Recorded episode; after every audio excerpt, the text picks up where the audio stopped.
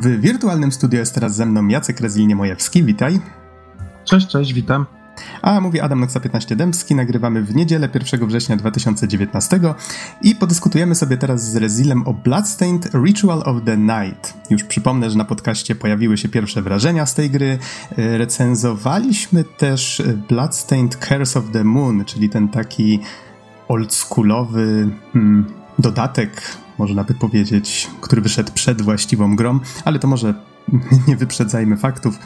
E, trochę o kampanii Kickstarterowej, to jak ona przebiegła, też powiemy za chwilę. A od czego właściwie by tutaj zacząć? Może trochę encyklopedycznych informacji. Przede wszystkim Bloodstained jest takim duchowym następcą Castlevanii. Osoba, która przez wiele lat tworzyła kolejne części serii, czyli Koji Igarashi, w pewnym momencie odszedł z Konami, potem postanowił znowu wrócić do tworzenia gier. Okazało się, że okej, okay, jest zapotrzebowanie na tego typu tytuły.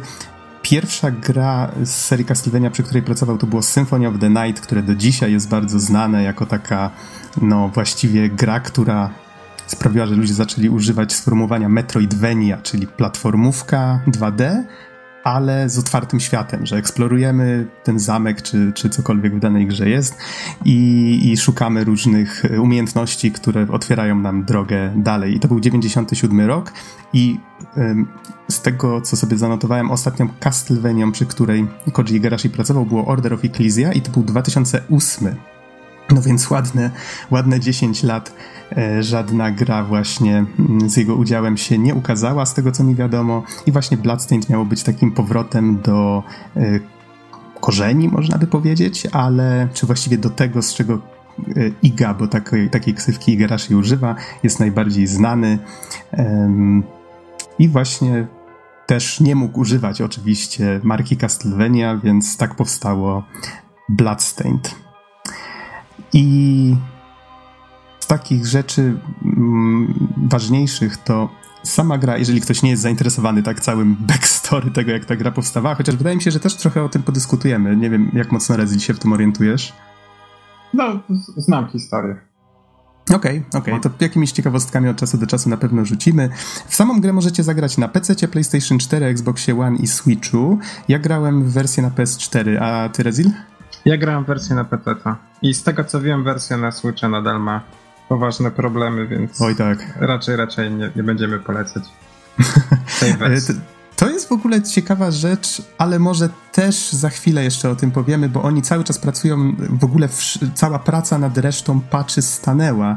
E, ja chyba miesiąc po nagraniu pierwszych wrażeń czekałem, aż zostanie załatany jeden bug, który miał spowodować, że mój save, który tam powiedzmy pierwszej nocy nastukałem sobie powiedzmy 5 godzin zaraz na premierę i następnego dnia się dowiedziałem, że ten save prawdopodobnie będzie do kosza po wgraniu najnowszego patcha, więc bałem się odpalić gry. No ale czekałem na tego patcha, czekałem i po miesiącu się poddałem. I ten patch nie pojawił się do dzisiaj, bo twórcy stwierdzili, że wersja na Switcha jest w tej chwili priorytetem, bo zewsząd się pojawił feedback, że ponoć działa bardzo, bardzo słabo. Nie, nie byłem w stanie tego zweryfikować, ale e, wierzę na słowo, tak? Natomiast y, jeszcze z takich innych y, rzeczy encyklopedycznych, gra ukazała się 18 czerwca właśnie w tych wersjach PC, PS4, Xbox One, natomiast wersja Switchowa wyszła kilka dni później, czyli 25 e, czerwca. Grę stworzyło Artplay, natomiast wydało 505 Games i jeszcze z tego, co się orientuje, kilka innych studiów brało udział przy szlifach czy innych rzeczach związanych z, z, powiedzmy z jakimiś dodatkowymi rzeczami. Na pewno było wśród nich Way Forward, czyli twórcy m.in. Shantae i oni pomagali dopieścić przynajmniej pół roku z tego przed premierą, z tego co się orientuje, um, właśnie grę do jakiegoś takiego znośnego poziomu. Um, Okej, okay. czy chcesz coś dodać jeszcze do tego Rezil, czy lecimy dalej? Może coś o Kickstarterze? No, tutaj mm, ta kwestia z Way Forward właśnie wynikała, wydaje mi się, z tego, że e, te, te prace nad grą, od kiedy Kickstarter odniósł sukces, e, były problematyczne, długo to dosyć trwało. No i potrzebowali kogoś, kto e, był w zasięgu ich kieszeni i potrafił robić Metroidvanie, więc dlatego wybór padł na, na Way Forward, który ma w tej chwili jedno z największych doświadczeń branży, w tym gatunku. No, w sumie jest to taka, jak ja to kilka razy określiłem, chyba oaza platformówek. Co prawda różnie to z jakością tych platformówek bywa, ale faktycznie mają doświadczenie, to, to fakt. No, no właśnie nawet nie tyle platformówek, co już stricte Metroidvania, no bo cała ta Shanty e, seria to, to są takie właśnie Metroidvanie. No i jeszcze zrobili z tego co pamiętam ten e, Mumię Demaster, e, która też była taką bardzo prostą, ale też dobrą Metroidvanią. Mhm, też mi się podobała, spoko. Taka, taka mała, krótka gierka, ale, ale była bardzo sympatyczna.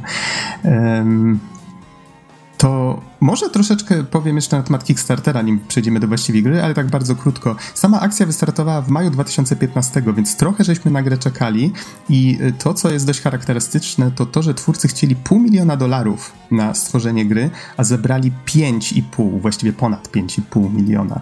I mm, ponad 64 tysiące osób się do tego z, z, dorzuciło. No oczywiście później jeszcze twórcy znaleźli inne źródła finansowania i tak dalej. To, to nie jest tak, że to są jedyne pieniądze, za które tę grę stworzyli, ale no po rozmiarze tej gry widać, że rzucili się z motyką na słońce i jak to właściwie im wyszło, to, to może za chwilę do tego dojdziemy. No i tak jak wspomniałem wcześniej, jeszcze w trakcie tworzenia tej gry Firma Inti Creates stworzyła mniejszą grę, która się właśnie nazywa Curse of the Moon. Była inspirowana właśnie takimi starszymi Castlevaniami, jeszcze nie metroidvaniowymi, tylko bardziej platformówkowymi, takimi właśnie na NESa.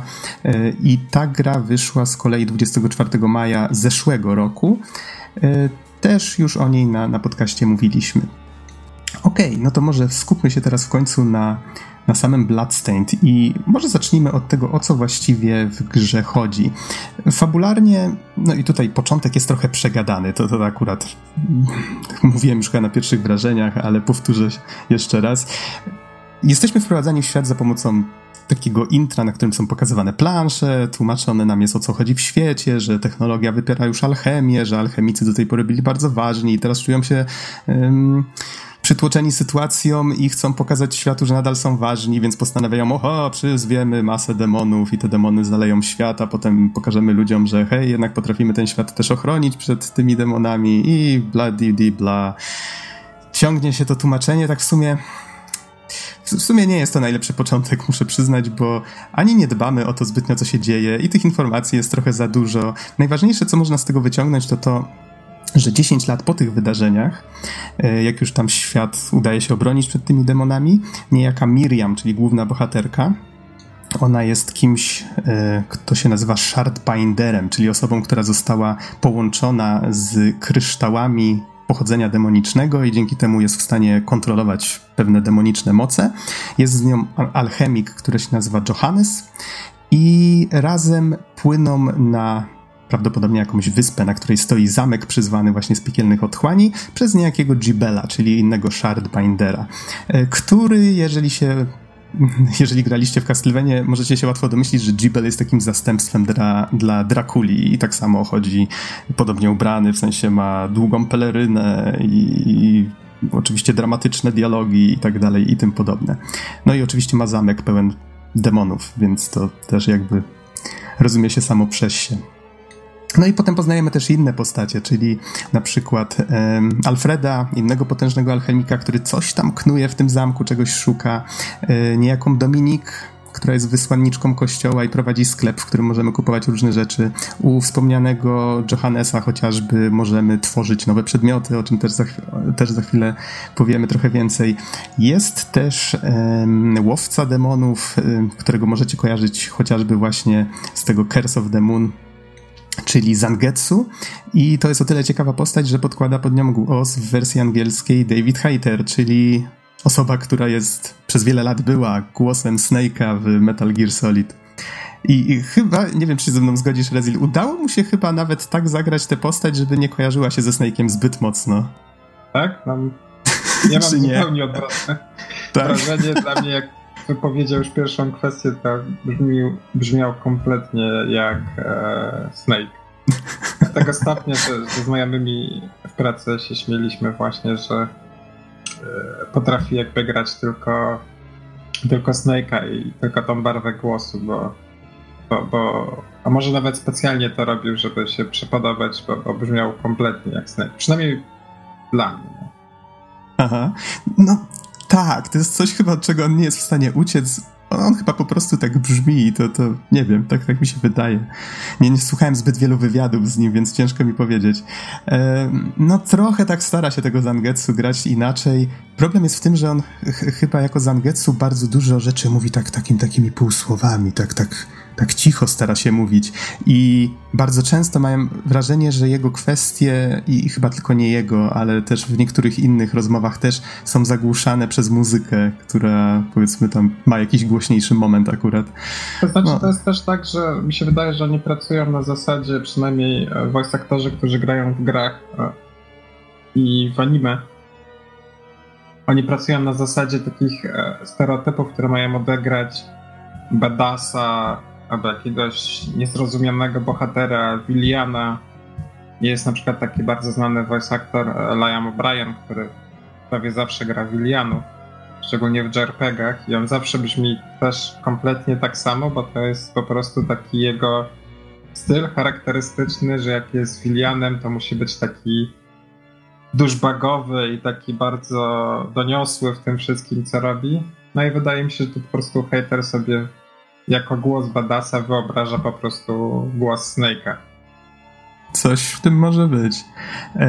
No właśnie, my tutaj gadamy o tym, że, że te dialogi są dubbingowane, a to jest o tyle istotne, że w Castlevaniach, przynajmniej w tych Metroidvaniowych, mm, no, Symfonia Nocy faktycznie tak, ona miała dubbingowane dialogi i z tego była znana, bo te dialogi były napisane w taki bardzo melodramatyczny sposób. Wiele z nich przeszło właśnie e, do, do, do takiego memicznego powtarzania w sieci, jako taki właśnie zabawny przykład, który ludzie w sumie miło wspominają, całe to Die monster, you don't belong in this world.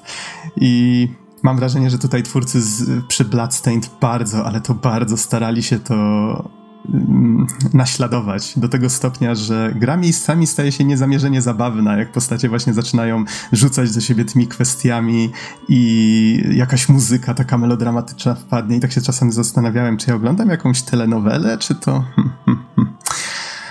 Różnie to z tą fabułą i, i z tymi dialogami tutaj bywa. No może właśnie taki temat przewodni, yy abstrahując już od e, konkretnie fabuły gameplayu czy, czy oprawy, to chyba jakby najważniejszą kwestią w samym Bloodstainie Ritual of the Night jest to, czy oceniać go jako nową grę, nową Metroidvanię, których w tej chwili na rynku już jest całkiem sporo, czy traktować go po prostu jako wielkie, wielki puszczanie oka do, do, do fanów e, Castlevania Symphony of the Night, bo to dla nich ta gra była stworzona od początku. To nie było jakieś ukrywanie, że to jest tytuł, e, który ma też być rewolucyjny w tym gatunku, czy zrobić coś nowego. I e, wydaje mi się, że właśnie Bloodstain działa w tym momencie, jeśli będziemy na niego patrzeć jako weterani czy fani Castlevanii poprzednich, szczególnie Symphony of the Night. E, i, i, I zaakceptujemy, że chcemy jeszcze raz po prostu zagrać w tego typu grę. Bo w momencie, kiedy patrzymy na to jako zupełnie świeży pro, produkt na rynku, no to tu jakby się zaczynają e, schody, że tak powiem. Zaczynają no tak, przez... nie, nie, niedoskonałości. To prawda. Wiesz co, mam wrażenie, że w jednym zdaniu podsumowałeś to, jak, jak ja właściwie, jaki mam problem z tą grą. Bo jako fan Castlevanii przez wiele, wiele lat, no właściwie nadal jestem fanem tej serii, ale można powiedzieć, że ta seria już póki co leży sobie gdzieś tam na półeczce Konami i, i dogorywa, więc e, mało się z nią w tej chwili dzieje. Natomiast... No, to nie do końca tak jest, to znaczy te gry, te klasyczne gry, takie jak Castlevania, one zawsze będą żywe.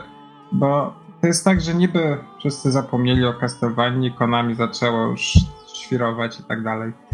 Wiadomo, robić te swoje projekty. Nie, nie, nie. Chyba tylko został im PES jako taka seria gier. Może jeszcze Bomberman. Chociaż teraz jest nowa kontra wychodzi, ale to już tak, wchodzę wchodzę w, w off-topic. Natomiast e, jeśli chodzi o Castlevania, to na przykład ostatnio jest jeden z e, dużych kanałów social mediach na YouTubie, Game Explain. Jeden e, z osób pracujących w Game Explain przechodził ostatnio wszystkie Castlevania od początku do najnowszych. Zresztą robi to jeszcze cały czas, bo jeszcze nie skończył tego i ogląda to setki tysięcy osób, powtórki albo na żywo. Więc jakby te tytuły ciągle żyją i nawet dostają, jakby powiedzieć, drugie życie. Jakby Konami wiedziało, co robi, to wykorzystałoby to. Zresztą wydało ostatnio Castlevania Collection tych, tych pierwszych tytułów i to też wydaje mi się właśnie był trochę pomysł, który im się urodził w głowach z tego powodu, że ludzie chcieli do nich wrócić, chcieli Castlevania, bo tęsknią za tą serią. Więc nadal, przynajmniej w moim przekonaniu, jako gracza, który śledzi, e, co się dzieje, to Castlevania jest ciągle żywa. Tylko nie ma nic nowego w tym, w tym temacie. Natomiast mhm. klasyki zawsze będą zostaną klasykami. E, to znaczy tak, tak, ja tutaj nie neguję tego jak najbardziej. E, chodziło mi o coś troszeczkę innego, chociaż może jeszcze tak dodam, abstrahując od tego, że ten, ta ten, ta popularność, która się teraz e, jakby urodziła nagle, taka druga fala, chyba wynika trochę ze względu na to, że ten serial animowany na Netflixie, o którym też już na podcaście jakiś czas temu mówiliśmy, on okazał się sukcesem. W sensie faktycznie jest zrobiony bardzo solidnie, bardzo fajnie i i to mam wrażenie e, sprawiło, że ludzie zaczęli i tworzyć nowe fanarty i sobie serii przypominać, tak? Znowu mówienie o tym, że hej, lubię Castlevania stało się takim a, o, to fajnie, to porozmawiajmy o tym, tak? Bo nagle się no, nowi fani pojawili, nowa, nowa fala fanów. Zresztą zaobserwowałem to tak też na Twitterze, bo co prawda prowadziłem kiedyś stronę fanowską, która w tej chwili już jest praktycznie martwa, ale istnieje jeszcze w pewnej formie na Twitterze i to konto na Twitterze nagle mocno odżyło. Ja tam cały czas retweetuję powiedzmy masę różnych fanartów i, e, i innych, innej twórczości fanów i ja widzę po prostu, że po tym jak się pojawił ten serial na Netflixie, to nagle był taki boom i, i tego się pojawiło masa. Ludzie zaczęli e, dużo fajnych rzeczy zamieszczać. E, no, no tak, tak, ale to tak. I to był moment odchodząc. dla Konami, żeby zapowiedzieć nową No. Mam nadzieję, że nie będzie wyglądać tak jak nowa kontra. Tak bardzo, bardzo, bo mi chyba no, na razie to pęknie. w ogóle nie wygląda. Na razie nic nie ma, więc... E, powiem ci, że Blazing Chrome jest dla mnie nową kontrą, tak patrząc chociażby w to, jak, jak ta nowa kontra wygląda na zwiastunie. Ale okej, okay, teraz to już odfruwamy zupełnie, więc może wróćmy do Bloodstained Ritual of the Night i um, tak już może zamykając wątek fabularny, wydaje bardzo dobrze, żeś tu powiedział, że ta gra właśnie dużo dużo właśnie czerpie z tego Symphony of the Night i stara się być takim właściwie nowym Symphony of the Night, ale nie żeby, y, nie żeby wprowadzać coś nowego do tego gatunku, tylko właśnie żeby jakby powtórzyć dać tym ludziom, którzy miło to wspominają, jeszcze raz to samo. I to jest chyba to, co mnie trochę w tej grze boli, bo właśnie przez te 10 lat, i to miałem właśnie wcześniej na myśli, że przez te 10 lat wyszło dużo innych Metroidvanii, właśnie między innymi starając się jakby tę te, te dziurę, która powstała w rynku uzupełnić, tak? Fani się na przykład stęsknili za tym, więc zaczęli tworzyć własne gry tego typu, albo większe firmy powiedzmy po, postanowiły mm, te, te, te, te nisze zapełnić. I jakby część z tych gier naprawdę wyszła bardzo, bardzo fajnie. I ja nie mogłem uciec od pewnych porównań, grając właśnie w Ritual of the Night. Na zasadzie, kurczę, ale. Ale gdyby, powiedzmy, ten Hollow Knight, tak bez przerwy ten Hollow Knight mi tak przychodził na myśl. Ta gra jest tak świetna, to, to jest taka moja nowa miłość, jeżeli chodzi o Metroidvanie i ja naprawdę nie byłem w stanie nie porównywać Ritual of the Night do tego, do tego Hollow Knighta. Ale dobra, to może jeszcze za chwilę do tego przejdziemy. Kończąc y, kwestie fabularne, oczywiście są tu zwroty akcji. Oczywiście fani Symfonii Nocy mogą się spodziewać pewnych rzeczy, które wiedzą, że, że, że tutaj działa, że działały wcześniej, więc tutaj pewnie też zadziałają, czyli na zasadzie myślimy, że grę skończyliśmy, ale tak naprawdę czeka was jeszcze dużo innych atrakcji i tak dalej. Przy czym no, można by się tu do kilku rzeczy przyczepić, które widać, że twórców trochę przerosły. Na przykład wydaje mi się, że zupełnie niepotrzebnie starali się cutscenki do tej gry dodawać. Jakieś takie zmiany ujęć kamery, czy e, tego typu rzeczy. Bo po pierwsze, te asety, które stworzyli, no, słabo sobie radzą, jak ta kamera nie patrzy na nie tylko z jednej strony, a po drugie... To jeszcze w ogóle jest, no. e, przepraszam, ci przerwę, ale też to jest inny temat, tak, tego Aha. całego wyboru e, kierunku artystycznego tej gry. Oj tak, oj to, tak. To jest jeszcze jakby osobny temat też, który właśnie wpływa tak naprawdę na każdą i na oprawę i na fabułę w tej grze. E, więc e, o tym możemy też e, mhm. jeszcze pogadać. Okej, okay, okej, okay, spoko. Wiesz co, to tak, y, jak najbardziej myślę, że to jest temat, który musimy poruszyć, tylko że najpierw może powiedzmy trochę o tym, jak się w tę grę gra, żeby zachować jakąś taką pozor, pozorny to znaczy, ład i co, porządek. Co do fabuły, to jeszcze bym tylko dodał mhm. jedną rzecz, bo generalnie tak jak powiedziałeś, ona na tle Symphony of the Night to wypada, nawet bym powiedział pozytywnie, w sensie, że jest bardzo, bardzo podobna i raczej nikt się nie zawiedzie, komu się podobało Symphony of the Night, ale też yy, nie wydaje mi się, żeby jakby dużo osób grało w Symphony of the Night dla, dla fabuły czy te dialogów. Wtedy to były inne standardy i, i grało się dla, dla gameplayu, a, a ten, ten, ten efekt taki melodramatyczny był miłym dodatkiem, bo, bo, bo było to tak trochę robione jakby na teatr czy przedstawienie powiedzmy. Mhm, chodzi o Igarashi... tych, tych postaci. Natomiast to, co mi się wydaje, im się nie udało tutaj, to ten setting, bo ten setting nie jest interesujący. Jak mamy wampirów i łowców wampirów, to to jest taki, prawda, nieśmiertelny setting. To jest taki już wpisany tak bardzo w naszą popkulturę, że od razu każdy łapie, co się dzieje. A tutaj mhm. ci alchemicy i te technologie, taki trochę steampunk, trochę magia, to w żadnym momencie w grze nie czułem, że to jest coś, co by mnie porywało specjalnie. Że wiadomo, yy, Dracula to jest postać kultowa, to jest od razu budzi pewien respekt. To jak e, przez lata był pokazywany na różne sposoby. Jest to jakieś ciekawe, można coś z tym zrobić, można zostawić klasycznie. A tutaj ten e, Gibel. Gibel, tak. Gibel to był taki miękki chłopiec y, do bicia bardziej i nie, nie, nie, był, nie był specjalnie ciekawy. Więc tutaj mi się też e, trochę wydaje, że jakby coś zawiodło od samych podstaw tego settingu. E, że, że mhm. można było tworzyć może, nie wiem, bardziej jakiś mroczny albo bardziej zagadkowy ten setting, jakiś ciekawszy mniej e, wyjaśniać, bo tu tak jak mówię, że zaczynamy grę i jest taki exposition straszny. Może można było to pokazać jakoś inaczej w grze. I, e... No przecież sama Symfonia Nocy w jaki sposób się zaczynała. Tam najpierw zostaliśmy wpuszczeni na schody do komnaty Drakuli i właściwie ostatnią walkę rozgrywaliśmy na samym początku gry, tak? I wow, zajebiście, tak? Emocjonująco. I dopiero potem się pojawiła ściana tekstu, a potem znowu była akcja. A tutaj jakby najpierw jesteśmy witani dwoma albo trzema ścianami tekstu i dopiero potem możemy zacząć grać. Tak, tak, tak. dobrze może to było puścić ostatnią e, walkę z Curse of the Moon albo którąś, e, jakiś taki malutki wycinek i jakoś to przeprowadzić. Coś ciekawego, tak? Symphony of the Night właśnie było e, rewolucyjne w tym, jak często zaskakiwało gameplayowo graczy. A, i, i te wszystkie metroidwaniowe, e, metroidowe rozwiązania. A tutaj tego zaskoczenia, no są te zwroty akcji, tak jak mówiłeś, ale nigdy się nie czułem, że jestem jakoś bardzo zaangażowany po prostu w tą fabułę. Mhm. Tak, to tutaj raczej nie będę się za mocno rozwijał w tym temacie, po prostu powiem, że się z tobą zgadzam. Bo, bo, bo tak.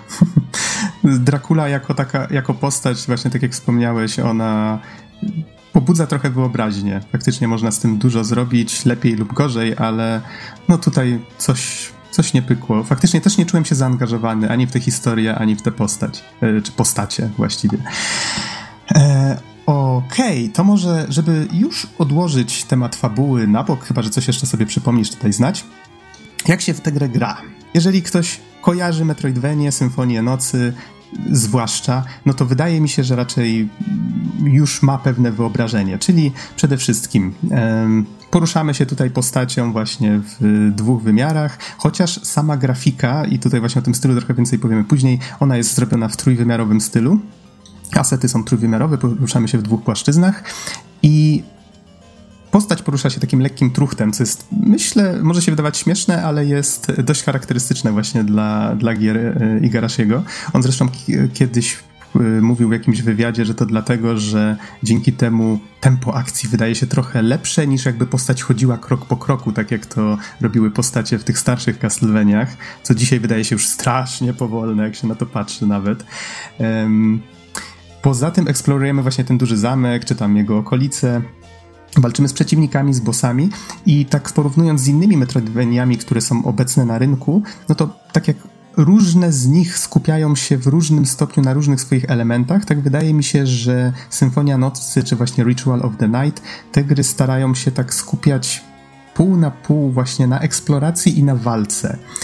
Um, Chociaż może i Symfonia Nocy trochę bardziej na tej eksploracji się skupiała. Ritual of the Night faktycznie ma tej walki dość, dość sporo, a może po prostu dawno w Symphony of the Night nie grałem.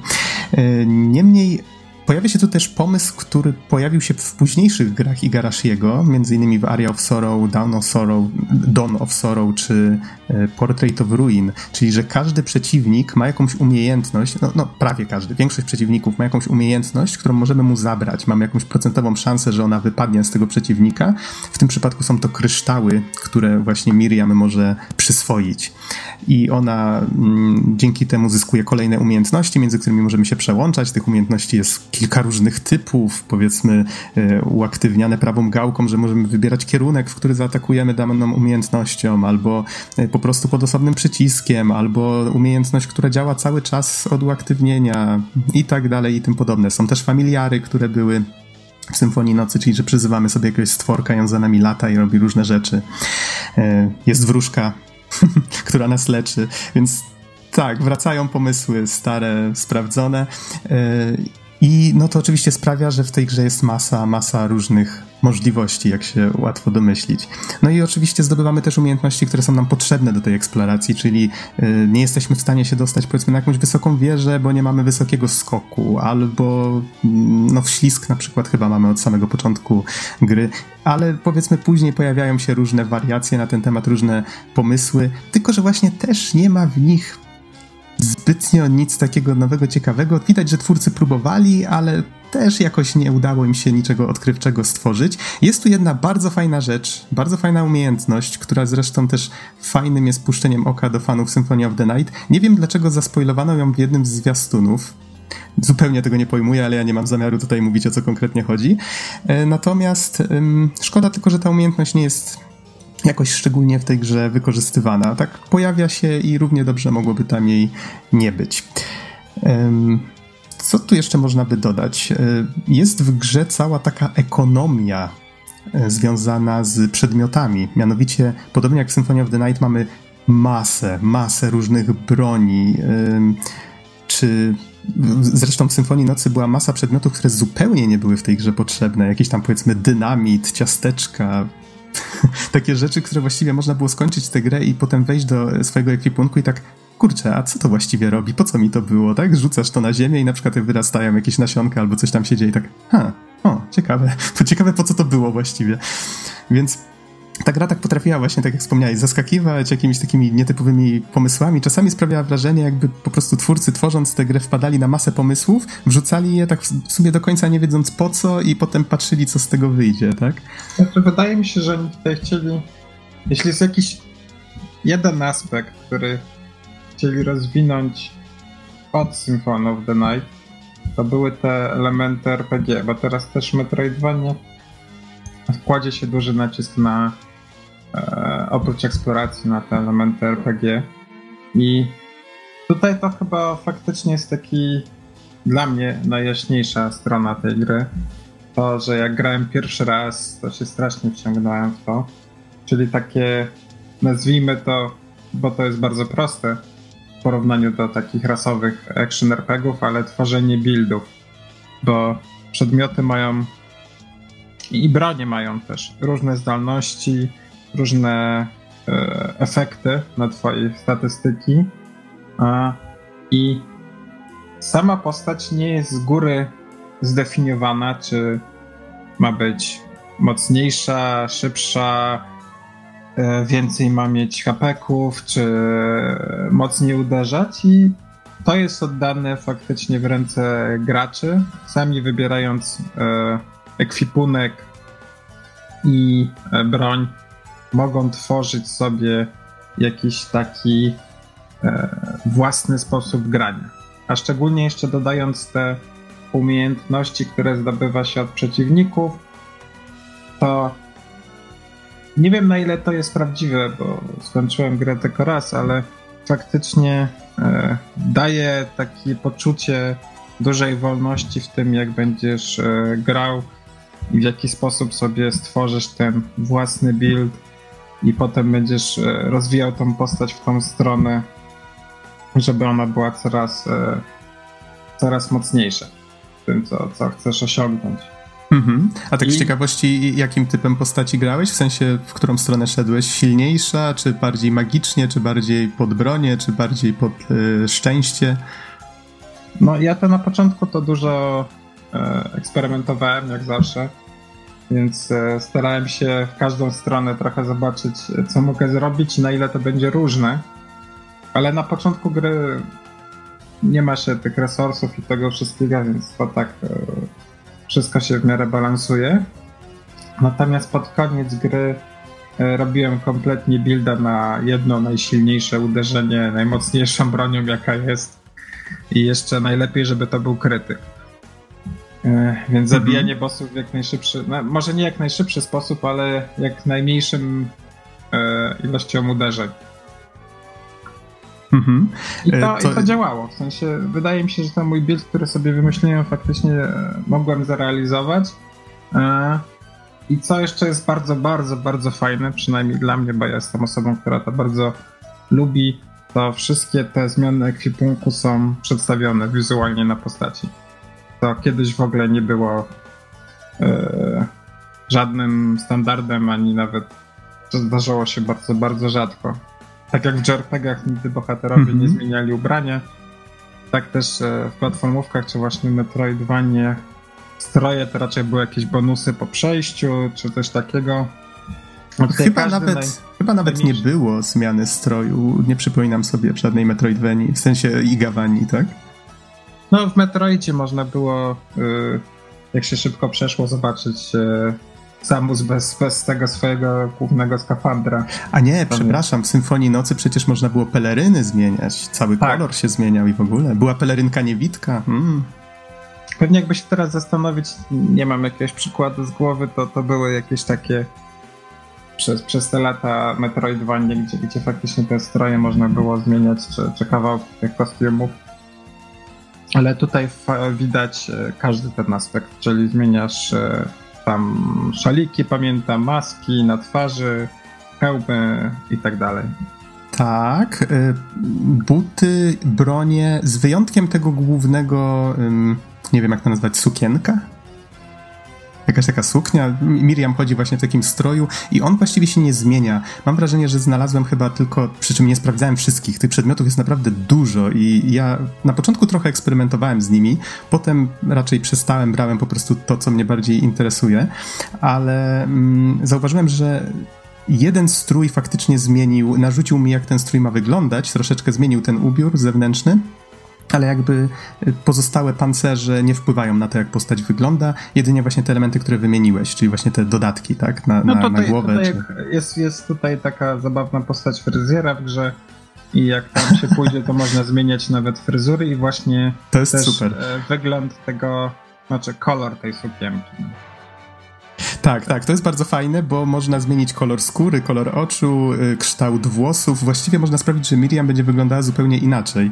Y, I to mi się bardzo podobało. Jeżeli komuś się nie podoba to, jak ta postać wygląda, to można grać zupełnie inną postacią. Więc tak, fajnie, że o tym wspomniałeś. Natomiast jakby z tymi przedmiotami wiąże się ta, ta ekonomia zacząłem ten temat i ostatecznie nie skończyłem, bo tutaj, jak się domyślacie, tych przedmiotów są różne rodzaje, chociażby pojawia się jeden rodzaj, którego nie było w Symfonii Nocy, czyli pistolety. I przyznam szczerze, nie próbowałem nimi grać. Mają różne typy pocisków, te pociski się marnują.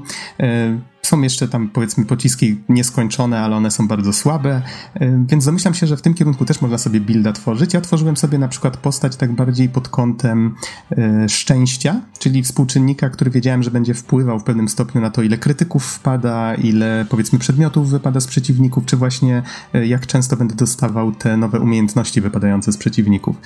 Zresztą fajnie, bo bestiariusz gry pokazuje, jak już zdobędziemy daną rzecz, że ją zdobyliśmy, więc ja na przykład sobie wczoraj zrobiłem taki cały dzień platynowania tej gry, coś mnie tak naszło i tak przypomniałem sobie stare, dobre czasy, kiedy człowiek miał więcej czasu na granie i tak siedziałem sobie powiedzmy z tym DS-em, czy, czy na czym ja wtedy grałem w te wszystkie mm, igawanie i powiedzmy, o, bestiariusz i tak lecę sobie po kolei od początku. Jeden przeciwnik, no a w tym nie wypadł jakiś przedmiot, więc poluję na niego i patrzę, co to jest i tak potem sprawdzam te wszystkie przedmioty. W pewnym momencie wypada coś, czego się zupełnie nie spodziewałem i tak, hmm, tego przedmiotu mi brakowało, żeby powiedzmy tam wykrawcić coś nowego. I ta ekonomia się tak zaczyna napędzać jest tu też coś takiego, co się, e, co właściwie jest kucharzeniem. Tworzymy potrawy, do których potrzebujemy konkretne, um, konkretne składniki i Zdobywamy też oczywiście przepisy na te potrawy, więc wiemy mniej więcej czego szukać,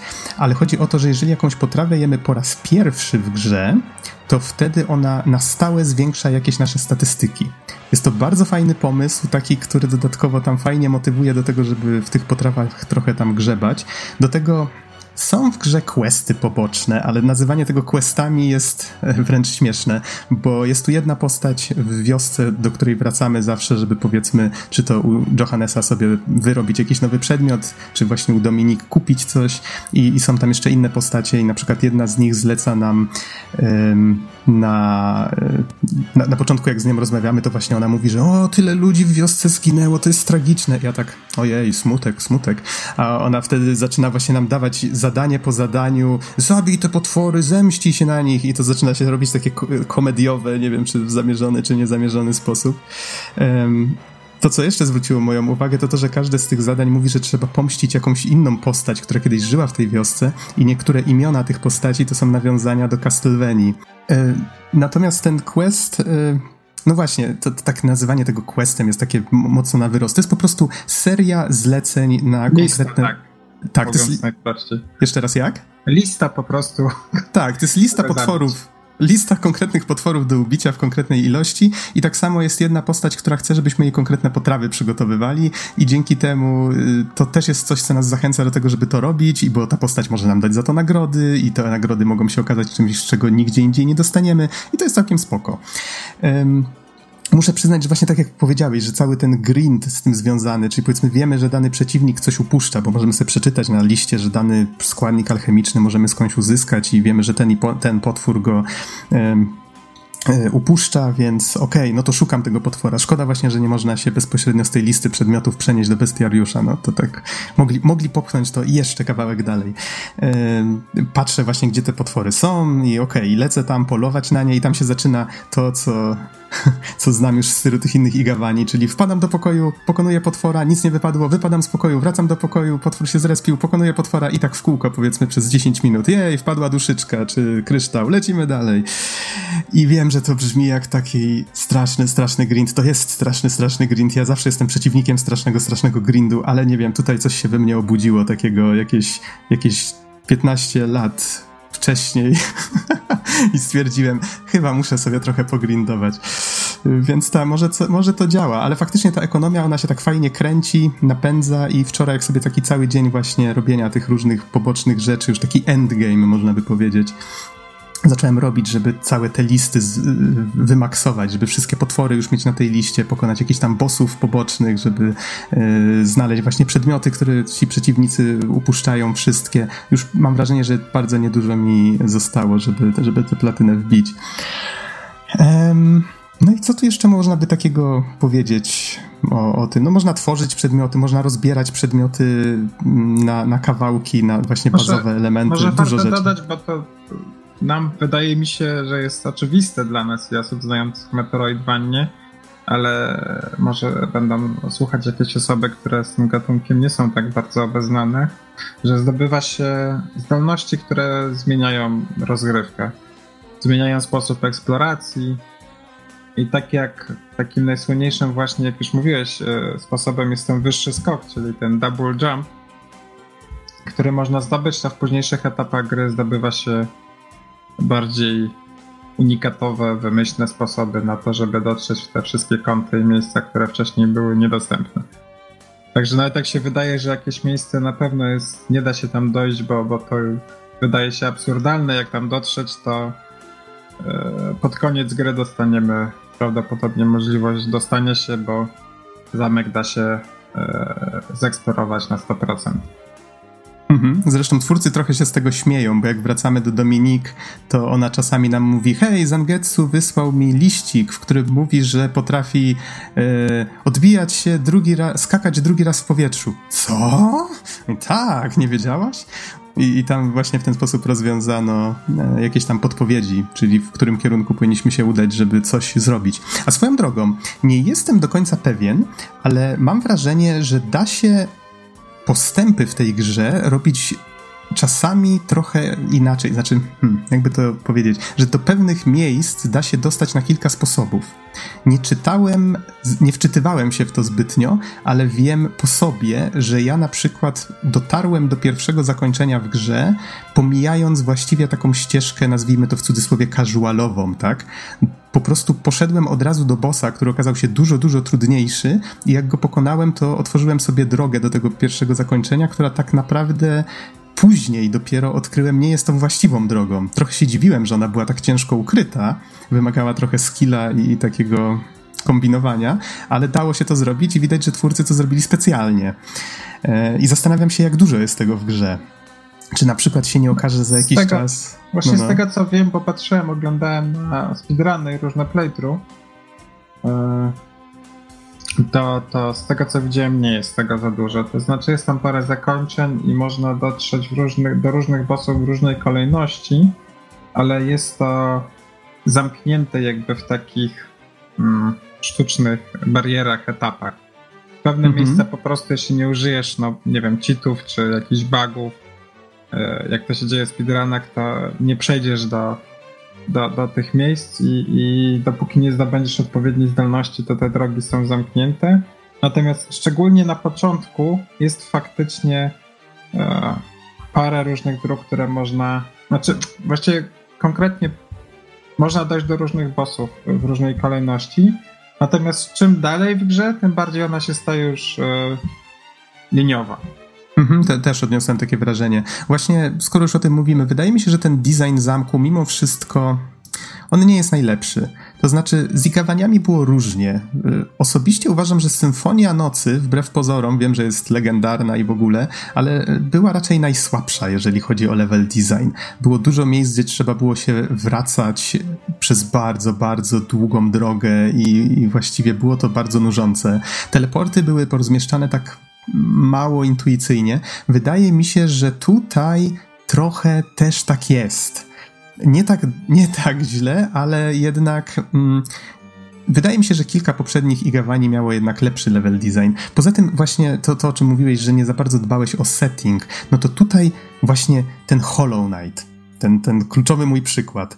W Hollow Knightie, jak zwiedzam ten Hollow Nest, czy jak się nazywał ten świat gry, jak go zwiedzałem, to cały czas czułem się tak podekscytowany, co będzie następne. W sensie, o, nie spodziewałem się, że za tamtą ścianą będzie coś tam i to coś rozrastało się nagle do jakiejś wielkiej lokacji, a nie jakiegoś jednego pokoiku, tak? Albo i się okazywało, że to miejsce jest jakieś super ważne i wiąże się z nim jakaś historia i tak za każdym razem nie wiedziałem, co mnie czeka. A tutaj z kolei tak, okej, okay, dobra, hmm, tam powiedzmy jadalnia, odhaczone, tam mm, wieże, odhaczone, dobra, mm, podziemia, odhaczone, nie, tak nie czułem nic zwiedzając ten zamek. Nie czułem takiego, o, to jest fajny pomysł, albo o, to mi się bardzo podoba. Poza tym część z tych miejsc wygląda raczej tak mało porywająco, ale to za sekundkę przejdziemy już do tego stylu. Nie wiem, jakie twoje są odczucia związane z eksploracją w tej grze. Znaczy, moje odczucie jest faktycznie jakby to jest ciągle to samo. Mm, odhaczyli, tak jak mówisz, odhaczyli takie miejsca, które powinny być. Yy, może jedną z ciekawszych lokacji był dla mnie ten yy, pociąg, który był też w Curse of the Moon. Mhm. W ogóle dużo pomysłów, ogólnie... które są w Curse of the Moon pojawia się tutaj, więc tak. jeżeli byście się zastanawiali, Curse of the Moon fabularnie jest takim totalnym spin-offem fantazją ludzi z Inti Creates, ale jakby dużo pomysłów z tamtej gry jest też tu. Tak, tak. I generalnie e, ja zawsze lubię poziomy z pociągami, więc Oj, mi się tak. tutaj podobał, podobał, że też jest ten pociąg i on się wydawał taki ciekawy, jak na właśnie taki setting zamkowy. E, Natomiast to był chyba jedyny przebłysk. Wszystko inne, poziom podwodny, wszystkie biblioteki, wieże, ogrody, to wszystko już właśnie widzieliśmy w Castlevaniach, więc musiało tu być i to nawet właśnie problemem był to, że tak się czuło, że oni to robią, bo to musi być. Nie, że to oni mają pomysł na to, jak to fajnie pokazać, czy jakoś oryginalnie, tylko że musi być. Więc y, jest wrzucone do tej gry. I tak jak, tak jak mówię z Hollow Knightem, czy Shovel Knight też jest fajnym e, przykładem tego, że mimo, że tam jest taki trochę parodia, śmieszny świat fantazy, to oni tam robią jakieś zupełnie szalone pomysły, łodzie podwodne i, i tak dalej i zaskakuje cię to na każdym kroku, masz fajny poziom, na który chcesz zobaczyć, chcesz przejść, chcesz znaleźć te sekrety i tutaj nie można powiedzieć też, że jest jakoś źle, ale jest bardzo, bardzo standardowo. Mhm, dokładnie tak. E, to jeszcze może tak a propos rozgrywki, warto dodać, że są dodatkowe tryby, które się odblokowuje w grze. Jest chociażby Boss Rush Mode, jest... Um, I to właśnie Boss Rush Mode odblokowuje się chyba, z tego co pamiętam, po pierwszym zakończeniu i ja odpaliłem ten Boss Rush Mode i się zorientowałem, że widzę bossa, którego nie widziałem i stąd się właśnie zorientowałem, że coś poszło nie tak, tak? Więc wyłączyłem Boss Rush Mode i zacząłem grać dalej po prostu. E, speedrun Mode się odblokowuje, jak się przejdzie już chyba ten True Ending e, i wiem, że jeszcze twórcy planują e, inne rzeczy, że będzie inna grywalna postać i pewnie inne rzeczy też, ale to, to, wszystko, to wszystko wynika z tych e, goli dodatkowych w Kickstarterze Tak, dokładnie Oni tak. obiecali mhm. i po prostu muszą dostarczyć, acz nie wiadomo w jakim czasie. Natomiast też wydaje mi się, znowu tak trochę powiem mm, ogólnie podsumowująco, nawet, że e, feeling tej gry bardzo zależy od tego, jak się miało kontakt z grami z Kickstartera. Bo ja, jak gram w coś, co bakowałem, albo w ogóle gry z Kickstartera, to mam takie podświadome uczucie, że oczekuję minimum. Że twórcy nie mieli pieniędzy, więc zrobią dokładnie to, co obiecali i, i tyle. I tak jak tutaj w tym przypadku będzie to gra, która będzie codem dla Castlevanii, ale niczym więcej. Więc jak były te wszystkie dodatkowe questy, to jedzenie, ten crafting i to wszystko, to dla mnie to były wręcz w mojej psychice takie bonusy, że dostałem dobrą grę, która jest Castlevania, Metroidvania i do tego mam jeszcze bonusowe rzeczy. I patrząc z tej perspektywy, to jest naprawdę bardzo, bardzo dobra gra, e, którą super przyjemnie mi się przeszło. E, gorzej wygląda to, bo też nie chcę, żeby to e, tak negatywnie wszystko brzmiało.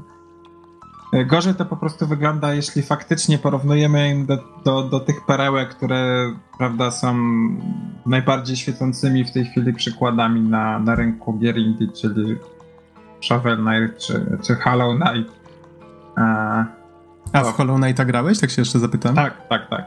O. E, to, to w tym momencie e, w tamtych grach było po prostu wszystkiego więcej i trochę też na innym poziomie. Bo może tu chodzi głównie o, o finanse, no ale te, te 6 milionów, które uzbierali. E, wydawałoby się, że można zrobić więcej. Z drugiej strony wiemy, że tam były problemy przy, w developingu, że zmieniany był e, chyba silnik też. To znaczy, nie pamiętam, czy był zmieniany. Wydaje mi się, że od samego początku ogłaszali, że będą robić na Unrealu 4. Problemy były z, takie, z, z tych, które pamiętam, że na, to był właściwie taki syndrom Mighty Number no. 9, że tak jak Keiji Inafune ze swoim zespołem poobiecywał trochę za dużo, E, tak, jeżeli dobrze pamiętam, że to był właśnie Keiji Inafune. Może mi się pomylił z kimś innym. E, niemniej oni poobiecywali właśnie masę platform, że ojej, gra wyjdzie na wszystko łącznie z waszą mikrofalówką i obiecali, że wyjdzie też na Wii U. Ale w ogóle nie wzięli pod uwagę, że przecież Wii U po kilku latach prawdopodobnie, no już, już wtedy Wii U nie było znaczącą platformą umówmy się. I ono z, czasem traciło coraz bardziej na znaczeniu, więc w pewnym momencie powiedzieli przykro nam, ale jednak musimy zrezygnować z Wii U. To już w ogóle czerwona lampka mi się zapaliła w momencie, jak to ogłosili, bo Unreal 4 nigdy nie miał wsparcia dla, dla Wii U. Jakaś osobna firma miała się tym zajmować, obiecywała, że okej, okay, przeportujemy silnik na Wii U. I tak, co?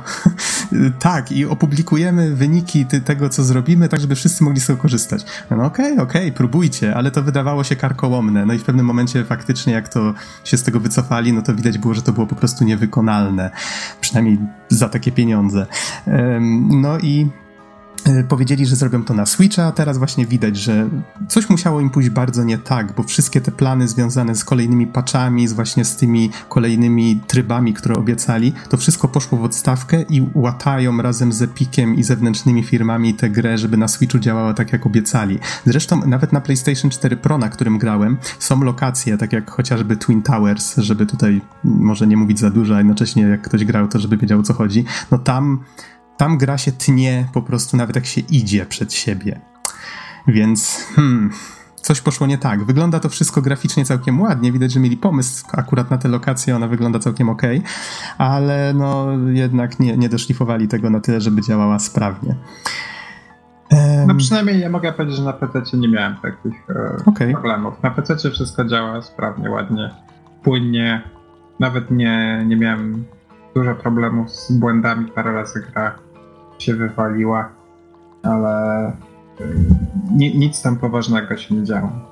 Mhm. No to z jedynych problemów, jakie ja miałem, to tam powiedzmy taka śmieszna rzecz, którą zaobserwowałem i nawet y, dowód jest na wersji wideo moich pierwszych wrażeń, która jest na naszym kanale YouTube, że jedna z plansz w intro wyglądała jakby ktoś ją namalował na kolanie tuż przed premierą, ale potem jak uruchomiłem grę kilka tygodni później, to się okazało, że ta plansza została podmieniona, tak? Więc cały czas coś w tej grze tam majstrowali, poprawiali.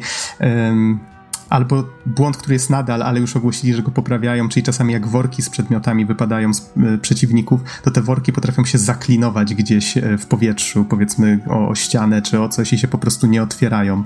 Um, I tak samo powiedzmy jakieś tam wizualne detale na mapie. Okej, okay, ja to rozumiem, sam tworzę gry, tak, wiem jak to wygląda. Domyślam się, że za rok już nikt nie będzie o takich rzeczach pamiętał. Niemniej, no faktycznie czuć, patrząc na to, i właśnie na, na, te ogłoszenia kolejne, na to jak patrzę wychodzą, widać, że twórcy wzięli na siebie bardzo, bardzo dużo, że ta gra trochę ich przerosła i oni i tak wydaje mi się, że zrobili coś naprawdę, no, kolosalną pracę w to włożyli. To widać. To widać, ale nie wszędzie, nie wszędzie te nie wszędzie udało im się to doszlifować tak, jak, jak pewnie wiele osób by chciało. No i właśnie może przejdźmy już do tego, hmm, tego słonia w pokoju, czyli właśnie tego kierunku artystycznego, tak? O rany, trochę lecimy tymi negatywami, a to taka fajna gra, jakby na to nie patrzeć. Ehm, no właśnie, co sądzisz o grafice? To znaczy, no, dziwne jest, e, nie, nie, nie do końca rozumiem e, tą decyzję, tak, żeby zrobić tą grę tym 3,5D nazwijmy to. Tak, 3,5D stylu, który jakby nic nie, nie dodaje do tej gry. oni twierdzili, oni twierdzili, że to ze względu na to, że ciężko znaleźć tylu artystów pixelartowych, ale wydaje mi się, że jakby się postarali, to by znaleźli. No, ale też e, w końcu, wiadomo, może nie było to od początku, ale w końcu też pracowali w tym studiem Way Forward, który ma śliczny ten e, te nowe tytuły w serii Shanti. Tylko oni właśnie... chyba bardzo, bardzo późno dołączyli, więc może jak dwójka będzie powstawać, to może wtedy to się jakoś rozkręci ta współpraca, kto wie. Ale chyba Shanty już istniało to nowe w tym czasie. Nie jestem tak, tak, teraz. ale chodzi mi o to, że ja się domyślam, bo oni bardzo, bardzo późno ogłosili tę współpracę i chyba nawiązali ją tylko dlatego, że oni widzieli, że nie dowiozą tej gry w takim stanie, jak chcieli na premierę, więc prawdopodobnie wynajęli WayForward na zasadzie mm, hej, pomóżcie nam, Pomocy, bo... tak, tak, support. Tak. Nie, ja to rozumiem, tylko... Oni z oświetleniem e, chyba pomagali. chodzi o to, czemu mhm. ta decyzja zapadła e, w pierwszej kolejności, nie? Czemu zdecydowali się właśnie na na to, kiedy już istniały na rynku i można było zobaczyć, że można zrobić bardzo fajnie. Tak znowu przykład Hollow Knighta, że można -hmm. bardzo ładnie zrobić grafikę. To też jest, domyślam się, grafika 3D, tylko pokazywana tak jako grafika 2D. Eee, I przez to ta gra ma taki, o ile nawet postacie, modele postaci wyglądają czasami tak sobie, e, to ten całe środowisko, patrząc jakby ogólnie, wygląda dobrze, ale jak się zacznie patrzeć na, na szczegóły, to te modele są takie dosyć e, proste.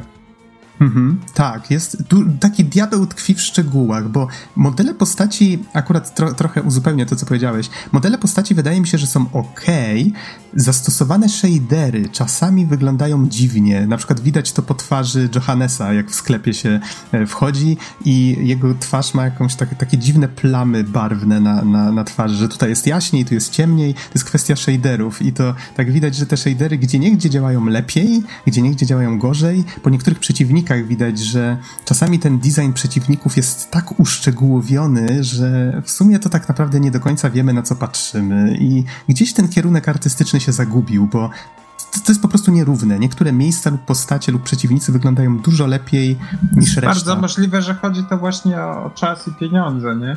Bo na przykład e, ten pokój, w którym się sejwuje, to wygląda super moim zdaniem. Naprawdę e, ma jakiś pomysł na siebie, jest artystyczny, jest taki. jest tam jakaś zagadka w nim, o co chodzi z tą statuą, te, ta kanapa, wszystko to jest e, fajnie pomyślane, tak jak była Symphony of the Night Rumna. Ma, ma to taki jasny przekaz, że, e, że, że jest to fajne miejsce, do którego warto wracać, jest cool i tak dalej. Natomiast niektóre lokacje, z kolei szczególnie te przejściowe pomiędzy dwiema lokacjami, są strasznie puste, e, bez jakichś detali za specjalnie i wszystko wygląda tak, że muszą być. Czasem też nie wiem, czy to może brak, ja się technicznie nie znam, czy to może chodzi o brak cieniowania odpowiedniego, czy coś, to e, ziemia i podłoże stosunku do tła wygląda tak, jakby brakowało cieni w niektórych miejscach. Takie wszystko było bardzo zbite, jednolite i e, ciężko powiedzieć, mm -hmm. gdzie jakby zaczyna się to tło, a gdzie jest pierwszy plan, gdzie jest drugi, to się zbija razem. W ogóle odniosłem wrażenie, że jest spora niespójność w tym, co oni tam robią. Coś takiego, co cały czas podświadomie siedziało mi w głowie i strasznie mnie drażni, jak w tę grę gram. Znaczy, już trochę się z tym pogodziłem, ale, ale wydaje mi się, że to wynikało między innymi z tego, że niektóre pokoje, jak się na to zwróci uwagę, mają trochę inaczej perspektywę. Że widzimy postacie zawsze widać tak samo. Oni prawdopodobnie nałożyli je na, na resztę. Co widać na przykład, jak się, nie wiem, wchodzi postacią w jakieś inne obiekty, bo czasami się to zdarza gdzieś tam przy ścianie, bo powiedzmy kolizja jest trochę dalej czy coś. E, więc mam wrażenie, że tak ten efekt uzyskano, że po prostu wszystko jest nałożone na, na widok samego pomieszczenia. Natomiast to pomieszczenie czasami kamera pokazuje trochę więcej podłogi, czasami nie pokazuje jej prawie wcale i to sprawia, że tak przechodząc z pomieszczenia do pomieszczenia mamy wrażenie, że cały czas patrzymy na coś trochę innego. W niektórych pomieszczeniach się tak trochę bawili tym, więc to powiedzmy też pozwoliono na takie eksperymenty to 3D, że ta kamera się okręca wokół czegoś i to czasami wychodzi lepiej, czasami gorzej, bo na przykład widzimy, że niebo powstało po to, żeby zawsze patrzeć na nie w konkretną stronę, że te chmury tam pędzą, tak jak w Symfonii Nocy, a, a tutaj na przykład nagle patrzymy na to niebo od boku i ono jest takie ee, okej, okay, brzydkie. E, czasami te ściany mówisz, że na przykład nie mają detali. E, czasami mają wręcz za dużo detalu i on jest tak nadźgany, że tak brzydko właśnie zaczyna świecić. Część z tych shaderów otoczenia mam wrażenie, że strasznie ma dużo odblasku, czyli um, dużo światła się od nich odbija i wyglądają właściwie jakby były z takiego plastiku albo z czegoś. No gdzieś ten gdzieś ten kierunek artystyczny tak zboczył i to jest bardzo nierówne. Czasami coś wygląda dobrze, czasami źle, ale chyba jakbym miał taki wybrać jeden, jedną rzecz, która myślę, że powinna być poprawiona tak globalnie, to oświetlenie. Że po prostu światło w tej grze nie wygląda zbyt ciekawie. Że nawet jak widzimy, że ta geometria tych kolumn, jakichś marmurowych korytarzy, że wygląda super, to to, co je oświetla, sprawia, że wyglądają mdło i nieciekawie. Nie zawsze, ale w wielu miejscach. To przed, przed wyjściem tej gry zaraz był za, taki, pamiętam, e, w maju. Zwiastun porównawczy. Tak, taki zwiastun mhm. porównawczy, gdzie oni się bardzo chwalili, że poprawili całą grafikę.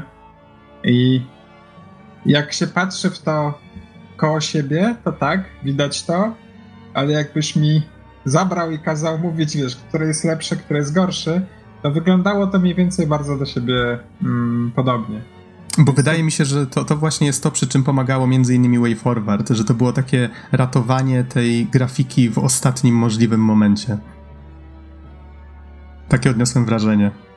Tak, no pewnie, pewnie tak. Chociaż no tak jak tu też, no nie wiem, jest na pewno pozytywny aspekt w tym, że fajnie wygląda ta główna bohaterka, art style jest naprawdę fajny i nawet wiele, mod nie modeli postaci, ale to jaki mieli pomysł na ich design jest super, e, tylko ich model w grze już jakby nie do końca oddaje ten fajny design. Mhm. Wczoraj, tak może wejdę ci, przepraszam, że ci wejdę w słowo. E, a propos tego designu, wczoraj zauważyłem jedną rzecz, która nie jest wymieniona nigdzie w kontroli na dole ekranu, że jak się jest w bestiariuszu, to można sobie obejrzeć te modele, tak po prostu na pełen ekran je dać, można przybliżać, oddalać i odkryłem nagle, że tam jakieś takie modele, powiedzmy, którym nigdy się nie przyglądałem, bo przecież są na ekranie malutkie, a do tego się z, z reguły pach mieczem zdejmuje i się idzie dalej, ale taka żaba na przykład wygląda bardzo fajnie, jak się ją powiększy, ale albo jakieś inne właśnie, mm, jacyś inni przeciwnicy. Z kolei no, są tacy, którzy zajmują pół ekranu, a wyglądają słabo tak czy owak, więc mm, różnie, różnie. Tak, tak. Pamiętam, że była tam jakaś postać, już teraz nie przypomnę sobie, to to był konkretnie, że jak przybliżyłem ten model postaci, to w ogóle zauważyłem, że ona ma oczy i twarz w jakimś tam miejscu, jak otwiera buzię. Wychodzi taka druga twarz i to było strasznie fajne, ale nie sposób tego, tego było dostrzec, dostrzec normalnie grając. Tylko właśnie dopiero w tej, e, w tej bibliotece, nazwijmy to, czy tam w galerii. No. Mm -hmm, można tak. to, to, obejrzeć, więc i designy były fajne i tutaj ktoś się na tym napracował i, i ta e, e Dominik wygląda fajnie.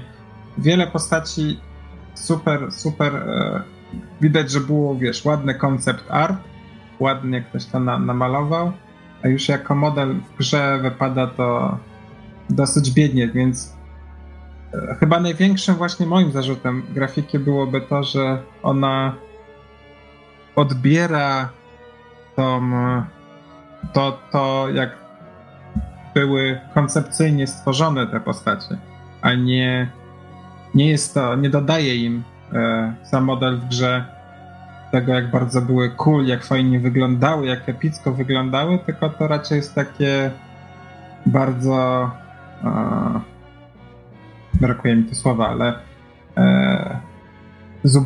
No. Mhm.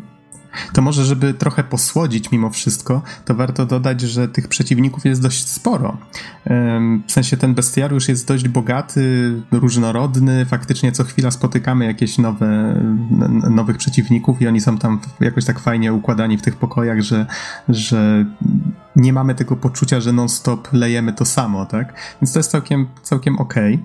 Okay. Widać, że sporo pracy w to poszło, no ale no właśnie, tak po tych naszych uwagach tutaj e, można odnieść wrażenie, że to nadal jest za mało, przy czym no chyba to już za późno, żeby to poprawiać w tej grze. Mam nadzieję, że mimo wszystko powstanie jakiś sequel, tak? A jeszcze taka jedna rzecz a propos oprawy. widzę, że ta recenzja nam się trochę rozrosła, ale okej, okay, za dobrze się dyskutuje. Nie, nie można się już wycofać. Um, natomiast taka jedna rzecz, o której koniecznie chciałem wspomnieć, czyli ta wszechobecna meta związana nie tyle z tym, że hej, Koji Igarashi tworzył Castlevania, czy pamiętacie to, czy pamiętacie tamto, takie wink-wink, tylko chodzi mi o metę związaną z Kickstarterem. E, tak jak powiedzmy tam kiedyś się ludzie śmiali z Jeffa Killiego, że był królem Doritos, bo jako dziennikarz growy siedział koło tego stołeczka z powiedzmy z Doritos i z Mountain Dew, tak tutaj czułem się trochę jakby ta gra była takim właśnie królem Kickstartera. Na zasadzie o, idę sobie po zamku, próbuję się wczuć w lokację. I nagle widzę z, te mm, obrazy ludzi namalowane, w sensie mm, powiedzmy, jeżeli zapłaciło się odpowiednią sumę, to można było, twórcy mogli stworzyć obraz nas yy, i go umieścić w grze na ścianie. I tych obrazów jest bardzo, bardzo dużo. I Niektóre z tych obrazów są takie trochę zabawne, inne trochę bardziej na poważnie. Są wykonane bardzo spoko, ale ja cały czas grając nie byłem w stanie wyrzucić tego z głowy, że to są ludzie, którzy zapłacili, żeby ta gra powstała. I to było takie, ech, no okej, okay, fajnie, ech, tylko dlaczego? I jeszcze w pewnym momencie pojawia się przeciwnik, który jest powiedzmy jakimś wielkim kotem albo wielkim psem i ja sobie nagle przypominam, Ach, no tak, było coś w rodzaju zapłać tyle i tyle, żeby wrzucić swojego zwierzaka do gry, tak? Ja wiem, że Castlevanie, te, te igawaniowe, one miewały takie różne zabawne elementy wrzucane. Mm, no ale tutaj w niektórych miejscach widać, że wrzucili to, bo musieli. Na przykład są pokoje, które z tego co pamiętam też było zaprojektuj własny pokój. I, I tutaj też jest chyba coś w rodzaju, że musisz znaleźć odpowiedni klucz, żeby się dostać do odpowiedniego pokoju i tam powiedzmy masz jakiegoś e, mini-bossa, czy coś takiego, co prawdopodobnie jakiś baker pomógł e, z, zaprojektować. I chyba tylko jeden z tych pokoi z pozytywkami jest zrobiony naprawdę z pomysłem. Ja, znaczy ja zgaduję, że to jest jeden z tych pokoi, bo po prostu mm, nie wiem, pamiętam, że był taki, że był taki cel na Kickstarterze, ale nie jestem w 100% pewien, nie wczytywałem się aż tak dokładnie. Jeżeli to jest jeden z tych pokoi, to jest chyba najciekawiej zrobiony, bo siedziałem tam chyba dobre 10 minut zastanawiając się, po co on właściwie istnieje, tak? Nadal nie wiem, czy on po coś istnieje, ale przynajmniej czymś mnie zaintrygował. Więc to, to było fajne. A reszta... No, okej, okay. no i to jest właśnie, to jest to, że trochę ten taki zamek Doritos yy, gdzieś mi tam siedział cały czas z tyłu głowy, jak zwiedzałem te lokacje. No to już jest kwestia wyczucia, nie? Takiego osobistego, że ci to psuje imersję po prostu, bo, bo masz tą świadomość. Yy, no pewnie tak. To są bakersi, niektórym to bardziej, niektórym to będzie mniej przeszkadzało można, wiesz, e, użyć argumentu, że, że bez nich nie byłoby gry w ogóle, więc... To prawda. Więc muszą tam być. Natomiast oczywiście, wiesz, to pewnie decyzja ostatecznie należała do, do, do twórców, jak bardzo chcieli e, inwazyjnie te, te, te meta rzeczy przedstawić w samej grze. Mogli to wszystko, wiesz, zrobić w jednej lokacji, która się nazywała muzeum, czy coś i tam ich wszystkich rzucić. E, różne gry z Kickstartera różnie to rozwiązują. No. Tutaj faktycznie ich jakby tak e, rozłożyli na całą grę w różne lokacje. Mhm. Mi to osobiście bardzo nie przeszkadzało, ale niektóre z tych twarzy są nie wiem, zbyt realistyczne może. E, tak to nazwę, że faktycznie jakby od razu się rzuca w oczy, że to nie jest część świata gry. Mhm. Tak, tak, to jest dobry argument. E, natomiast, żeby może przejść do pozytywów, to za jedną z jednym z kompozytorów była kompozytorka Michiru Yamane, bo tam wiem, że pomagali jej też inni. E, I ona z Igarashim współpracowała. Hmm, no, długo, od Symfonii Nocy przynajmniej. I y, no, można powiedzieć, że to jest taka kompozytorka chyba najbardziej z serią Castlevania y, kojarzona. No i jej muzyka jest bardzo charakterystyczna. I tutaj podobnie. Ten soundtrack jest naprawdę świetny. Jest bardzo przy... super przyjemnie się go słucha.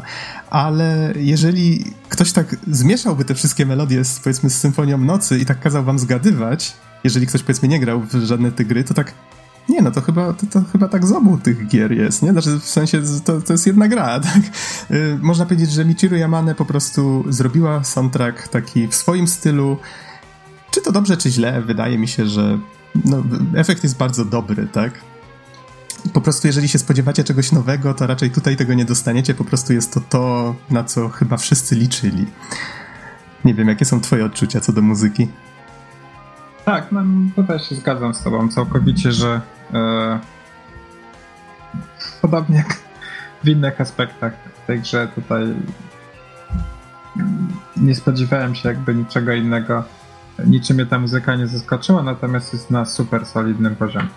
Naprawdę słucha się tego soundtracku bardzo miło, jeśli się lubi te, ten, ten klimat, a myślę, że jakby nawet jak ktoś nowy zacznie grać, który nie grał nigdy w Castlevania, to to jest soundtrack, który może się spodobać. Naprawdę, bardzo, bardzo solidnie wykonany. Na mhm. pewno dużo lepszy niż ta kontrowersyjna e, oprawa graficzna. Tutaj jakby nie ma tak, co, tak. E, nie, nie co gadać. Nie, nie, spodziewałem się w muzyce tak naprawdę żadnej rewolucji. Mogła być oczywiście, ale e, szczerze mówiąc bardzo mi się podobało, że właśnie był taki klasyczny ten soundtrack. Mhm, mhm, dokładnie tak. No i wydaje mi się, że możemy już chyba zmierzać do podsumowania. Zresztą tutaj fajny kierunek dla tego podsumowania nadałeś, czyli właściwie czy bardziej polecamy tę grę ludziom, którzy grali w te Castlevanie, czy tym, którzy nie grali? Powiedzmy może też, ile właściwie um, zajęło nam przejście gry. Jeżeli o mnie chodzi, to wydaje mi się, że to jest taka gra na kilka, kilkanaście godzin, przy czym no ja wczoraj jeszcze ten endgame chyba z dobre no to był długi dzień, z dobre 10 godzin myślę, że spokojnie tłukłem. Myślę, że tak do 30 godzin ja ch chyba w tej chwili mam tak z 30 godzin spokojnie na liczniku i chyba już jestem blisko tej platyny, jakby ktoś chciał faktycznie wszystko, co w tej grze jest do zrobienia, zrobić, a jeszcze nawet nie ruszyłem tych dodatkowych trybów czy New Game Plus, więc jest tego sporo. Ja skończyłem grę i zrobiłem dwóch opcjonalnych bossów i zajęło mi to 22 godziny. Tak Steam przynajmniej mówi. Z tego mhm. co widzę.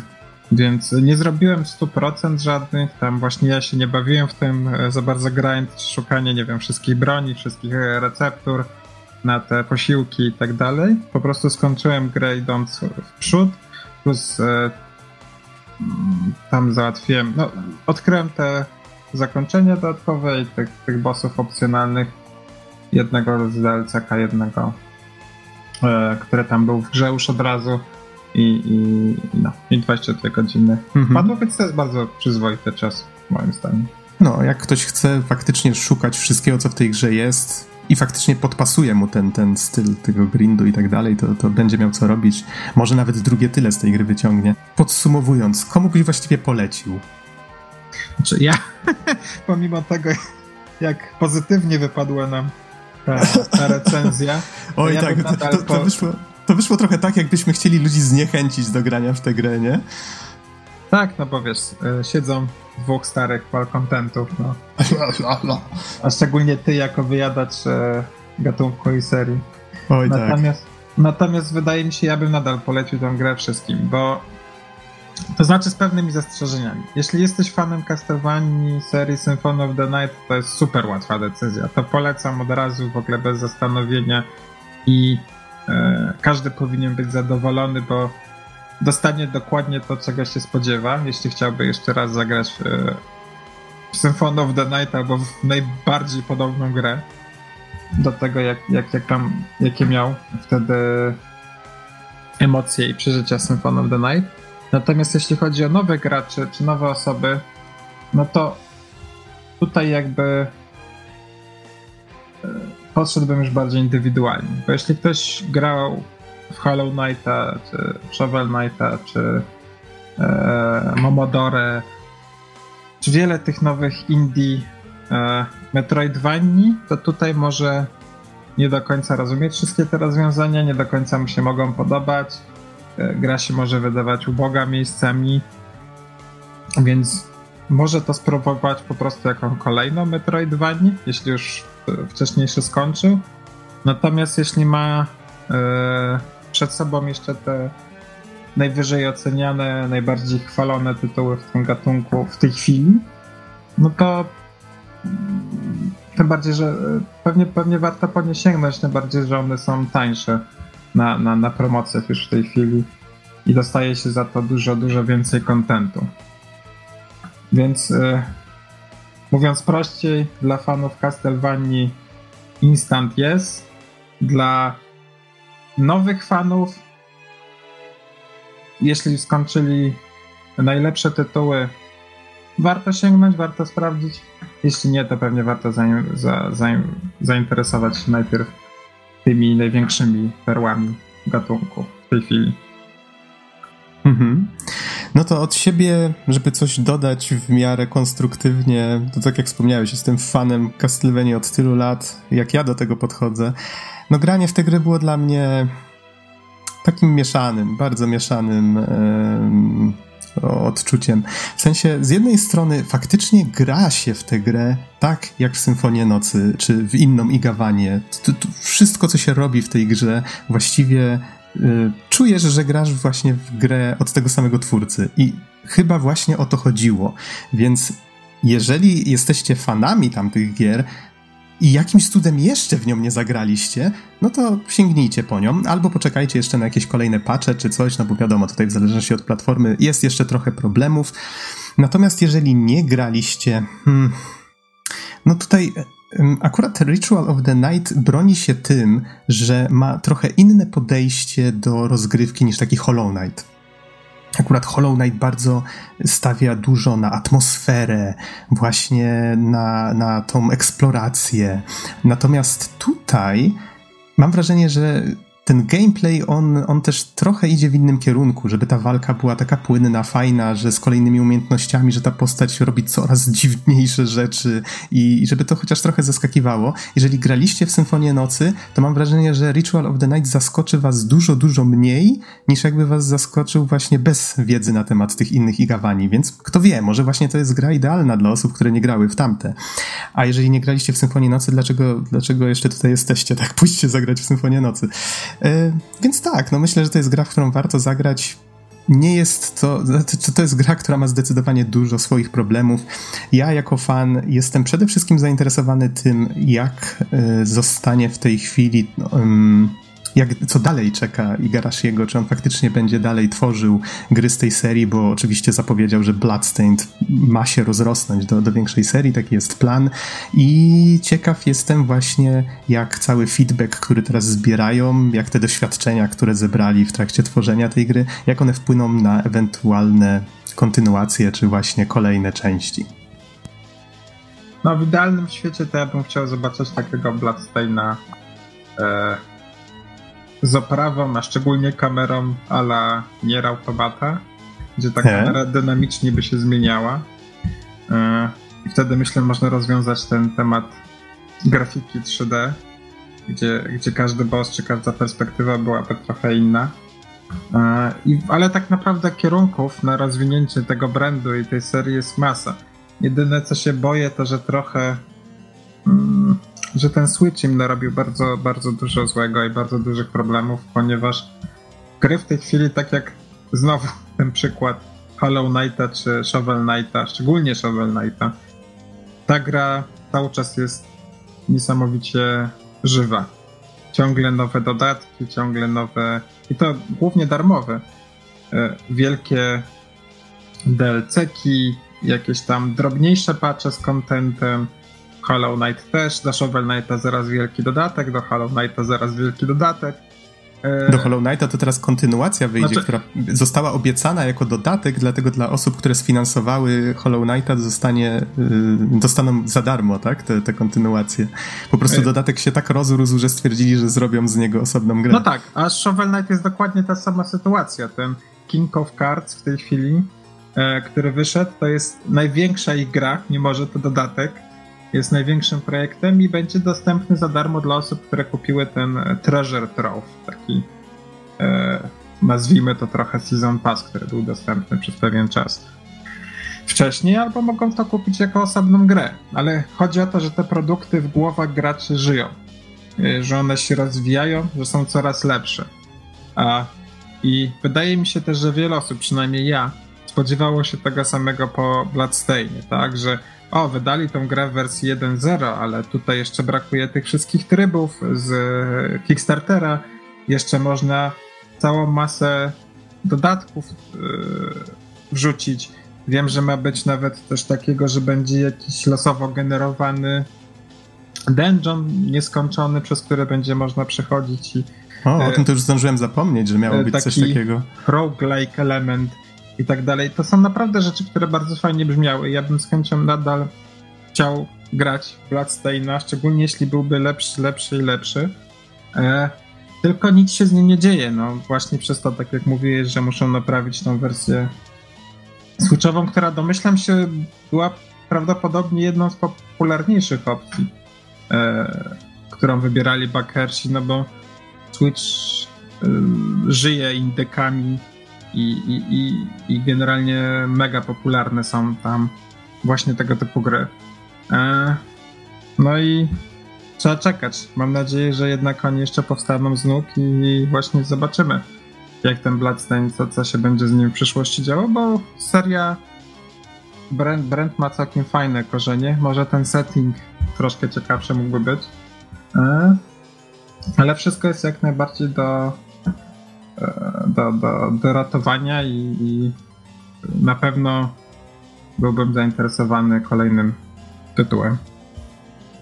Mhm. To ja tak w ramach myśli końcowej tylko dodam, że faktycznie ta kampania Kickstarterowa była prowadzona bardzo fajnie. Wiem, że sporo hejtu się na twórców za te czy inne rzeczy, między innymi za to Wii U lało, e, ale i dostarczali te bety, i ludzie zgłaszali swój feedback na różnych targach i oni faktycznie tę początkową lokację widać, że dopieścili właśnie na podstawie tego feedbacku, później było różnie, ale ale widać, że robią co do nich należy i teraz też dużo hejtu za tego Switcha na nich się leje. Mam nadzieję, tak jak ty, że oni po prostu zakasają rękawy, zrobią co do nich należy, w pewnym momencie się po prostu odezwą i mówią, jesteśmy znowu naprawione, tak? No i mam nadzieję, że twórcy po prostu trzymam kciuki za nich, żeby, żeby jakoś wyszli z tego dołka i, i ruszyli z tą grą dalej.